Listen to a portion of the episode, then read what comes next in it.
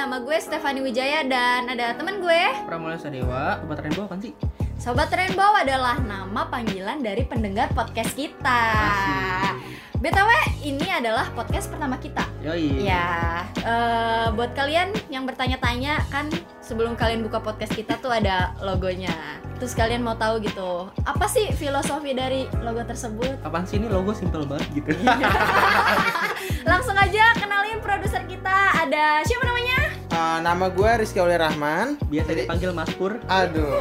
Kacau. Jadi uh, di logo podcast kita ini mempunyai filosofi. Apa itu filosofinya tuh? Filosofinya kalau yang kayak diagram itu ya, yang diagram di kiri tuh itu menunjukkan kayak platform musik. Oh, platform musik. Iya, karena Kan ini podcast. iya podcast kita tuh bakal masuk ke platform musik tersebut, Oh, yaitu gitu. Spotify. Hmm, sebut Iya. merek nih nggak dibayar Aduh. Spotify. Iya.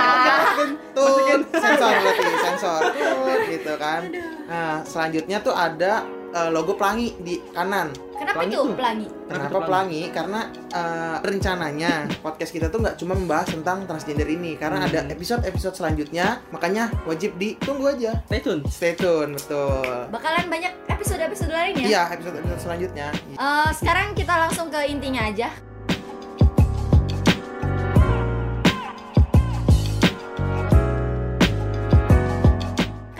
Kita ngambil tema tentang transgender ini? Karena di luaran sana udah banyak banget yang bahas podcast kayak percintaan. Ya kan kita juga bakal bakal bahas itu sih sebenarnya Sebenarnya nanti. nanti.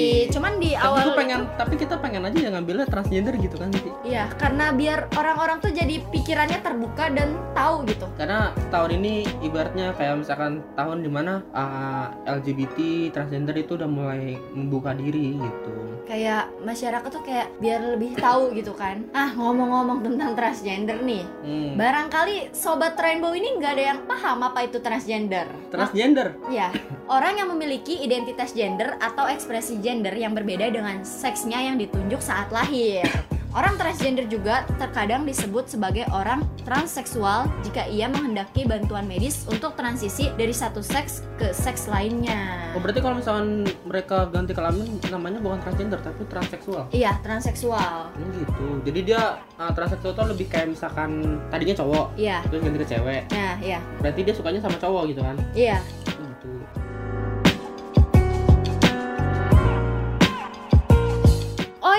Ngomong-ngomong tentang transgender ini, awal mulanya transgender ada itu di negara Jerman. Tepatnya di Erzgebirge. Erzgebirge, Jerman. Jerman. Agak Sorry susah ya nyebutinnya ya. Susah Bapak produser, mohon maaf. Jawa. Terus eh, dia itu namanya Rudolf Richter, lahir pada tahun 1891. Nah, sejak kecil ia mem- ia memiliki bawaan untuk tumbuh dengan sifat yang lebih feminim Hmm, dibanding teman-teman laki-laki lainnya. feminim banget gitu. Iya, kayak dia tuh lebih suka apa ya? Pakaian Pakai baju perempuan. perempuan. Nah, ya gitu. Dan lo tau gak sih, Deo? Apa tuh? Lo umur 6 tahun masih ngapain tuh? Gue enam tahun main kelereng, main layangan. Main layangan ya? Main engklek? Iya. Engklek apaan tuh? Engklek kan nggak tau engklek. Bikinnya pakai kapur. Kapur ya Kapur. betul. Parah nggak tau engklek. Dah. Main benteng dulu gua, terus main main hujan-hujanan. Gerobak Ya. sodor. Nah, pokoknya main main tradisional gitu kan. Kalau dia itu umur 6 tahun udah mencoba memotong alat kelaminnya sendiri. Saking pengennya Jadi berubah perempuan. menjadi perempuan. Serem banget sih. Gila kan? Parah dah orang-orang kayak gitu. Maksudnya pikirannya gimana gitu ya? Iya, mungkin karena dia terobsesi banget kayak pengen jadi perempuan, makanya dia nekat gitu. Oh gitu, agak kasihan juga sih sebenarnya. Nah saat beranjak dewasa itu Rudolf bekerja sebagai pelayan di sebuah hotel di Berlin pada musim liburan. Nah saat bekerja ini dia tuh berpakaian seperti laki-laki, tetap laki-laki. Tapi pas nanti dia keluar dari kerjaannya, Iya, dia berpakaian layaknya seperti perempuan. perempuan. Bahkan saat dia keluar dari tempat dia bekerja, menurut sejarah ya, dia tuh pernah ditangkap polisi karena berpakaian seperti perempuan. Agak creepy nggak lo kalau ngeliat cowok gitu pakai baju perempuan? Ngeri juga sih. Lu kayak kayak kayak yang sekarang lagi viral tuh dulu eh kemarin-kemarin yang Apa apa, yang cowok pakai jilbab Oh iya itu itu ngeri banget sih cuy. Gue sebagai parah, gue sebagai kayak perempuan kayak lo laki-laki tapi lo pakai jilbab kayak wah nggak ngerti lagi sih gue. dari belakang ukti dari depan aki Masuk. Aduh, Pas pas lagi nyapa gitu assalamualaikum ukti pas di belakang waalaikumsalam. Berat suaranya. Berat aja. Mohon maaf. jakunnya Oh, oh. ternyata parah lu Aduh. Nah, akhirnya si Rudolf ini masuk penjara kan. Terus ada namanya Magnus Hirschfeld. Dia itu seorang seksolog terkemuka pada di Jerman pada zamannya Ya. Tahun 18-an lah. Nah, Magnus ini punya namanya punya sebuah institusi seksologi non profit. Jadi dia tidak dapat tidak dapat untung dari situ. Dari situ. Karena uh, di pro- di institusi itu kayak melakukan berbagai penelitian terkait dengan kelamin manusia. Pada akhirnya si Rudolf ini ditampung di situ dan di sana itu dia lebih dibebaskan memakai baju apa aja. Terserah misalkan si Rudolf mau pakai baju perempuan, mau pakai bikini, mau pakai apa gitu terserah. Yang ke perempuan ke perempuan maksudnya yang di luar dari apa jenis kelaminnya aslinya gitu ya. Iya. Dibebasin. Lalu pada tahun 1922 si Rudolf ini uh, apa melakukan operasi ganti kelamin. Officially berarti nih. Officially. Dia nggak motong sendiri lagi kan. Enggak, dia dia udah udah melakukan operasi kelamin. Ya. awalnya begitu. Nah, pada saat waktu itu kan ada, ada zaman Nazi ya. Nazi ya. Dia tuh nggak setuju banget nggak sih? Nazi itu emang gitu dia tuh Iya. anti dengan LGBT. Jadi orang-orang kayak gitu biasanya dibunuhin. Si Rudolf ini nggak tahu ke mana, nggak tahu apa cerita selanjutnya kayak gimana. Pokoknya institusi itu dihancurin Hancurin. waktu zaman Nazi. Zamannya Nazi itu gitu. sendiri. Lalu ada ah, lanjut kita bahas ke komunitas ya.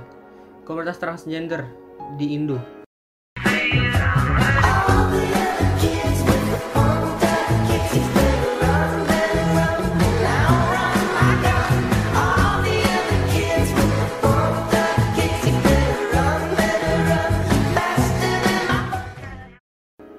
Dulu nih. Kita bahas di luar dulu kali ya. Oh, luar dulu. Luar dulu Ya kali ya. udah. Yang paling terkenal itu di Thailand. Pattaya. Pattaya namanya. Terdapat teater bernama Alcazar Show Pattaya Cabaret. Ini kayaknya produser kita pernah ke situ. Pernah ya? Gimana Bapak produser itu kejadian aslinya gimana? Tolong ceritakan. Maksudnya kan kita tahu dari luarnya tuh kayak kita minta foto sama cewek-cewek cantik. Nah, Iya. itu gimana? betul jadi Sebenarnya waktu- sebenarnya Anda suka dengan perempuan atau dengan eh aduh jadi gini saya klarifikasi di Tentang sini. Pattaya ini tentang yang ada di Pattaya. Thailand. tentang Pattaya jadi waktu itu waktu liburan Kapan tuh? ya liburan kemarin lah jadi ke eh, saya ke Pattaya Pattaya itu di Thailand Ah, itu ah. kayak ada kabaret gitu kabaret itu Apa kabarnya tuh? kabaret itu kayak teater gitu loh Oh, kayak teater tentang apa?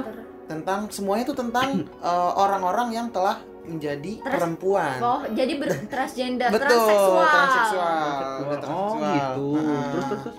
ya itu tadinya dia eh, masuk nih kita dari awalnya nih ya masuk nih Hmm. beli tiket nah beli tiket set masuk ke dalam Pak, produser mau nanya, itu harga tiketnya berapa? Mohon maaf. harga tiketnya itu 100 baht kalau nggak salah 100 bat itu kalau dirupiahin berarti sekitar berapa? 100 baht itu waduh lupa berapa ya Satu bat berapa dah? Tolong sobat Rainbow hitung. Kalian bisa cari gitu iya, ya. kita cari di bawah ini Pengetahuan kita masih agak-agak Iya. kurang Iya. gitu ya. Kalian sobat Rainbow bisa cari sendiri. gitu. Ya, lanjut Pak produser. ya jadi begitu masuk ke ruangan teater itu kita duduk kayak di bioskop Bioskop. iya ya. kayak kursinya juga naik-naik Iya. itu kayak di bioskop nah kita di situ kayak dikasih pertunjukan mereka kayak lagi nari mereka nyanyi mereka pokoknya show apa yang mereka bisa gitu di situ dan itu emang ya cantik-cantik semua Cantik-cantik semua. Terus Bapak terkagum-kagum juga. ya cukup terkagum-kagum tadinya ya Iya. ya tapi- tapi, ya saya inget lagi Oh, inget lagi. Inget lagi. Inget lagi. Bahwa itu sadar lagi. sadar bahwa itu ya bukan sepenuhnya wanita Oh, gitu iya. Celananya sempit gak? Hah? Celananya sempit gak? aman Enggak sebenarnya maksudnya sempit itu apa? Celananya pensil. oh iya pensil sempit gitu. sempit benar benar Gitu. aman sih celana Aman. Hmm, untuk saat itu aman Aman. ya setelah acara itu selesai sekitar 30-40 menit semuanya itu disuruh keluar kan suruh keluar acara Mhm. selesai ternyata di luar itu udah banyak or eh, eh, apa ya yang tadi show di dalam itu mereka udah nungguin di depan nih udah berjejer Ngapain tuh berjajar? berjejer kayak menawarkan diri siapa yang mau berfoto dengan saya itu bayar lagi Oh, gitu, ber- bayar itu lagi. bayarnya berapa, Pak? aduh saya lupa berapa bat juga itu bayar itu Berarti jatuhnya kagak duit bersih ya? Misalnya kayak misalkan lu masuk nih, Mm-mm. itu udah udah bersih Include, semuanya. Oh, include. nggak foto include, kalau ini nggak include. Kalau mau foto bayar lagi, bayarnya langsung ke orang yang mau diajak foto. Jadi gitu. eh, kita boleh milih nih mau yang mana nih, mau yang pakai baju warna pink lah, mau yang orang yang cantik lah, mau yang rambutnya pendek lah, terserah kita boleh milih. mau yang gitu. kumisan ada gak? Eh, kayaknya saya nggak lihat, tapi yang masih ada jakunnya saya lihat.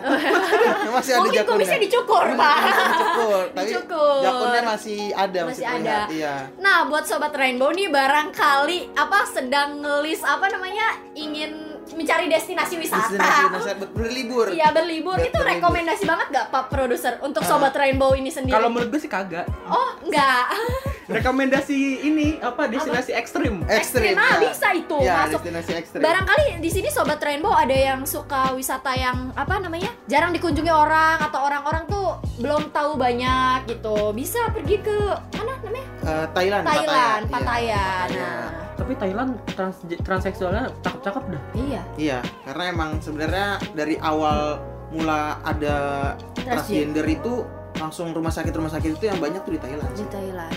Oke, itu Terus di Indo juga ada sih. iya ada juga di Indo. Itu namanya apa deh? Namanya Gaya Nusantara. Itu di mana ya? Nusantara. Gue tau sih gue liat di artikel sih Gaya Nusantara. Jadi dia kayak organisasi ngeraba gitu yang fokus memperjuangkan hak hak LGBTQ. Ah, dia tuh mem- memperjuangkan hak hak LGBTQ agar kaum kaum LGBTQ ini tuh nggak merasa ditindas gitu. Jadi kayak mereka memperjuangkan hak derajat yang sama. Jadi kayak lu normal nih, sedangkan gue transgender. Gue juga pengen dong hak gue sama Sama ya. gitu. Terus juga di Amerika ya? Di Amerika. Dunia dong, Oh, organisasi di dunia. dunia. Oh ya, organisasi dunia. Oh, ya, bukan itu the National. Center for Transgender Equality itu organisasi kesetaraan sosial nirlaba yang didirikan tahun 2003 oleh aktivis transgender Mara Keisling di Washington, Washington DC. DC. Amerika sih, Amerika. tapi kan lebih ke dunia. Dunia ya organisasi di dunia dan Uh, National Center for Transgender Equality ini berfokus pada diskriminasi dalam pekerjaan, akses ke komo- Akomodasi akomodasi publik, perumahan yang adil, dokumen identitas, kejahatan dan kebencian yang membenci, reformasi peradilan pidana dan lain-lain. pokoknya tentang ngurusin tentang kehidupan yang biasa di masyarakat pada umumnya Iya. supaya setara gitu kan. Hmm. Ini kejadiannya kayak yang kemarin tes CPNS gitu, tau gak sih lu? Yang Yang berita yang tuh? kalau Yang CPNS apa nggak boleh gay, Oh iya iya. ya kan? Iya. itu kayak itu kalau menurut gua agak gimana gitu maksudnya kan sama-sama manusia Manusia. Sama-sama sama-sama bisa mempunyai hak yang sama dong Iya. Iya benar. benar. tapi kenapa harus didiskriminasi gitu Harusnya sih nggak boleh ya. iya lalu ada Men- medis tentang medis, nih You're saying the words that I want you to say.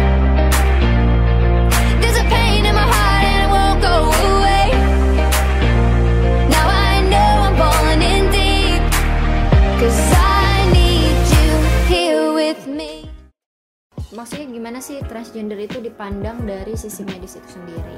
Ah, lebih tepatnya ke masalah kesehatan kali ya Kesehatan iya. kesehatan paling rentan dialami oleh transgender yang pertama resiko pada tindakan medis harus dilakukan untuk transisi gender terutama tindakan, Tindakan operasi. operasi. Ya itu harus banget sih tindakan operasi merubah kelamin kan. ini sakit banget sih gua Dan itu yang gue tahu ya, waktu gue kemarin kan ada eh, kayak bed tournya gitu kan. Aha. gitu. Di sana itu di Thailand ya Iya di Thailand itu kalau misalkan mau operasi, dia tuh harus konsul selama 2 tahun. Dua tahun. Dua harus tahun. dua tahun Berarti harus dua tahun sebelumnya. Iya betul. Waduh. Misalkan mau operasi 2022 nih, Ya misalkan dari 2020 nih Januari nih, Iya. itu udah udah konsul ke dokternya, terus udah konsul ke dokternya itu. eh, jadi kita nanya nih, nanya dok, eh, bu- eh, saya mau melakukan operasi. operasi Kelamin. nah operasi kelamin Ah, tapi dia nanya dulu nih dokternya ah, udah udah diperbolehkan dulu sama orang tua? Hmm. terus eh, kenapa alasannya mau eh, merubah alat kelaminnya itu? Terus selama 2 tahun itu juga dia bakal kayak tiga bulan dua bulan sekali itu bakal dicek ke eh, rumah sakit itu. Diceknya itu untuk memastikan memastikan dia kalau dia udah pendiriannya tuh udah tetap dan gak bakal karena kalau udah kayak gitu kan nggak bisa dipasang lagi. Iya. Apa tuh yang dipasang? Tapi kalau di Thailand tuh KTP-nya jenis kelaminnya transgender. Oh saya belum lihat. Ya aduh. saya belum lihat kebetulan. Gua pernah baca di artikel. Mhm. jadi tuh ada gitu misalnya kayak KTP Thailand. Cewek nih. Ya tapi tulisannya transgender. Jadi di sana tuh KTP-nya jenis kelaminnya ada berapa gitu? Tujuh apa gitu? Wow. wow. Banyak. Gitu kalau di Thailand. Kalau di Indo kan laki-laki perempuan. Laki-laki. perempuan. perempuan. misalnya kalau laki-laki pindah ke perempuan tetap aja KTP lo laki-laki. Kayak siapa? Ya. Jangan dibahas lah. oh jangan dibahas. Berarti eh, mau operasi gitu juga nggak sembarangan nggak sembarangan. ya. Itu ada tahapnya harus tanda tangan orang tua harus materai harus eh, dua bulan tiga bulan sekali dia harus ke rumah sakit untuk kayak kontrol nih oh kamu udah bagus terus Hmm. itu ada pantangannya loh nggak boleh makan apa nggak boleh makan apa Oh, gitu. iya ada Kayaknya Anda tahu banget ya. Anda Karena- mau karena saya diceritain Oh, gitu diceritain. pengetahuan, Pengetahuan. kan jadi sobat rainbow Sobat jadi Rainbow jadi pada jadi tahu paham ya jadi kan paham semuanya siapa tahu sobat rainbow yang tadinya belum dengar podcast ini sekarang setelah dengar podcast ini Mm-mm. jadi pengetahuannya jadi nambah Nah, jadi pertama pasti pengetahuan kan nggak akan rugi Iya. terus ada resiko kanker pada pemakaian hormonal, tetapi yang juga dipakai untuk transisi gender. Hmm. Kalau menurut gue sih hormonal ini lebih ke ini sih suntik hormon. Kayak misalkan suara lo cowok nih, lo mau ganti ke cewek kan, misal mau ganti kelamin cewek, Ya. pasti kan hormon itu harus diganti kan, kayak misalkan uh, payudara lo jadi jadi gede, iya betul. Bokong lo lebih inian. iya. Dari lengan mungkin ya jadi lebih kan kalau cowok kan kayak berotot gitu loh. Sama ini bahu. Iya bahu. Beda banget kan terus virus HIV Terpapar virus HIV. akibat perilaku dan gaya hidup transgender seperti kita tahu HIV itu sendiri sampai sekarang obatnya belum belum ditemukan Belum ditemukan. Banyak sekali uh, teori konspirasi tentang HIV. HIV gua agak-agak gimana gitu kalau ngeliat kalau kalau soal apa ngomongin virus HIV ya HIV Hmm. kayak misalnya banyak banget teori konspirasi bahwa uh, virus HIV itu dibuat oleh US oleh Iya. United States Mm-mm. terus of America HIV itu dibuat untuk menyebarkan virus itu untuk membuat membunuh orang sih jatuhnya banyak tuh kalau misalkan lu googling misalkan teori Ya. konspirasi Mhm. virus HIV pasti uh, lebih condong ke US entah kenapa selalu US terus US terus yang jadi yang jadi Berarti pelakunya gitu pelaku dari pelakunya. teori konspirasi ini Nah. lalu ada mitos ada mitos nih banyak mitos yang, yang telah dipercaya percaya oleh masyarakat masyarakat, kita masyarakat pada umumnya Mm-mm. Berjalanlah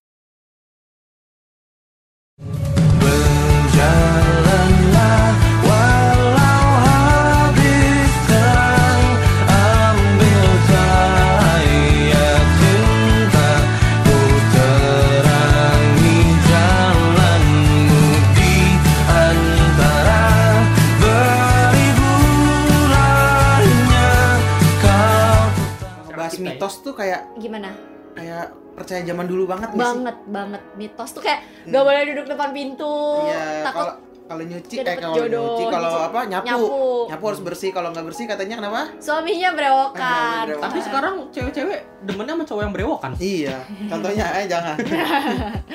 nah mitos yang pertama itu kaum transgender memiliki gaya hidup yang gila nah gilanya kayak gimana tuh gilanya itu lebih kayak mungkin karena dia perilakunya kali ya? Iya karena kayak misalkan dia transgender lebih kayak ke pakai obat-obatan terlarang. Sebenarnya prostitusi. Sebenarnya tuh enggak juga nggak sih? Hmm. padahal kan mereka juga memiliki kehidupan selayaknya yang kita miliki. Hanya bedanya dia tuh mengganti transseksualnya iya sih. Kan? tapi ya nggak bisa mukul rata sih kalau misalnya kayak gitu sih. Nggak bisa dipukul rata kalau misalkan uh, apa?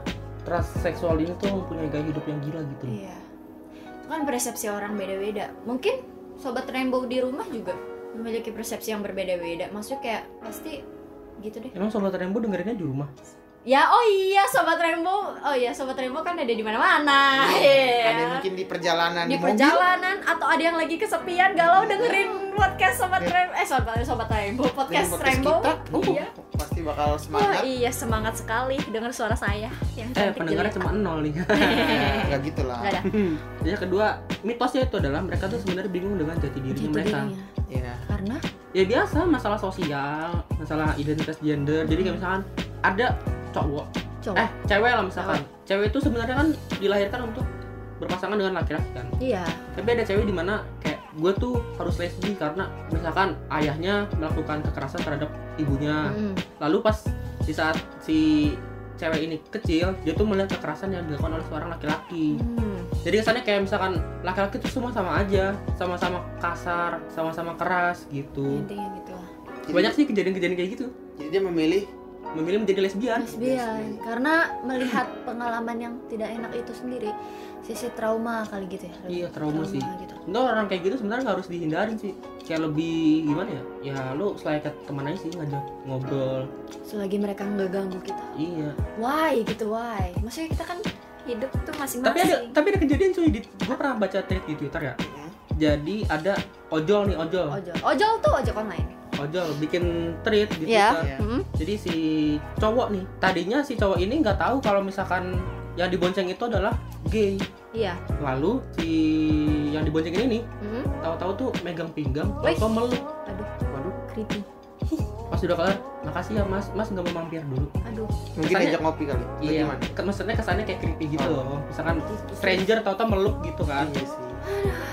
Jarang-jarang ya laki-laki tuh kayak gitu di walaupun boncengan di ojol kayak ya, Mungkin di luar sana banyak bapak produser aja yang tidak tahu. Iya. Tapi kalau saya, saya pribadi saya lebih baik megang behelnya itu loh belakangnya itu loh. Oh besinya iya. behel itu besi. Ya Oh, kan gitu. itu Anda orang normal Orang sebagai orang normal, normal. iya sih. Maksud gua kalau misalkan kalau misalkan lu gay atau lu lesbian, nggak usah So, nggak usah musik kita yang straight Oh, lah gitu. musik. Oh iya. Maksudnya kita yang straight aja nggak musik lu gitu Iya. buat Iya, buat benar. berubah. Terus next ada mitos lagi mental kaum transgender mengalami gangguan. Nah, gangguannya itu kayak ya itu tekanan dari masyarakat itu sendiri yang kayak ngebully mereka Iya. gara-gara mereka transgender, gara-gara mereka ih nggak normal, ih segala macam. Gitu. Tapi temen gua ada cuy, teman SMP gua.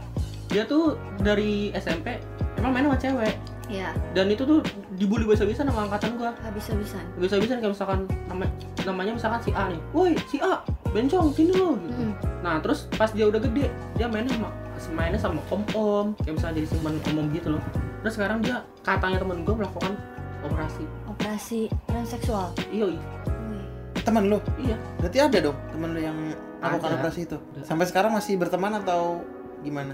Udah gak deket cuy. Udah gak dekat. Iya. Karena Dia bukan, lingkup juga bukan, ya. bukan karena gua tidak setuju dengan pilihannya. Itu kan pilihan orang masing-masing beda kan. Iya. Cuma karena emang udah lama nggak kan udah lama nggak kontak-kontakan. dan lingkupnya juga udah beda. Lingkungannya juga udah beda, jadi gua Udah. nggak deket lagi. Tongkrongannya beda istilahnya. Kalau kata sobat Rainbow, Iya. tongkrongannya beda.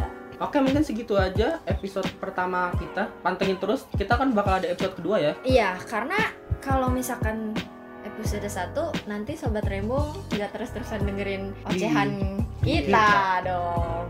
Pokoknya iya. pasti sobat remo bakal kangen lah dengan podcast kita. Bang, asik. asik banget dong. Ya udah kalau gitu. Dah, bye bye. See you next episode. See you on the next podcast. Yeng yeng yeng yeng yeng yeng. Izinkan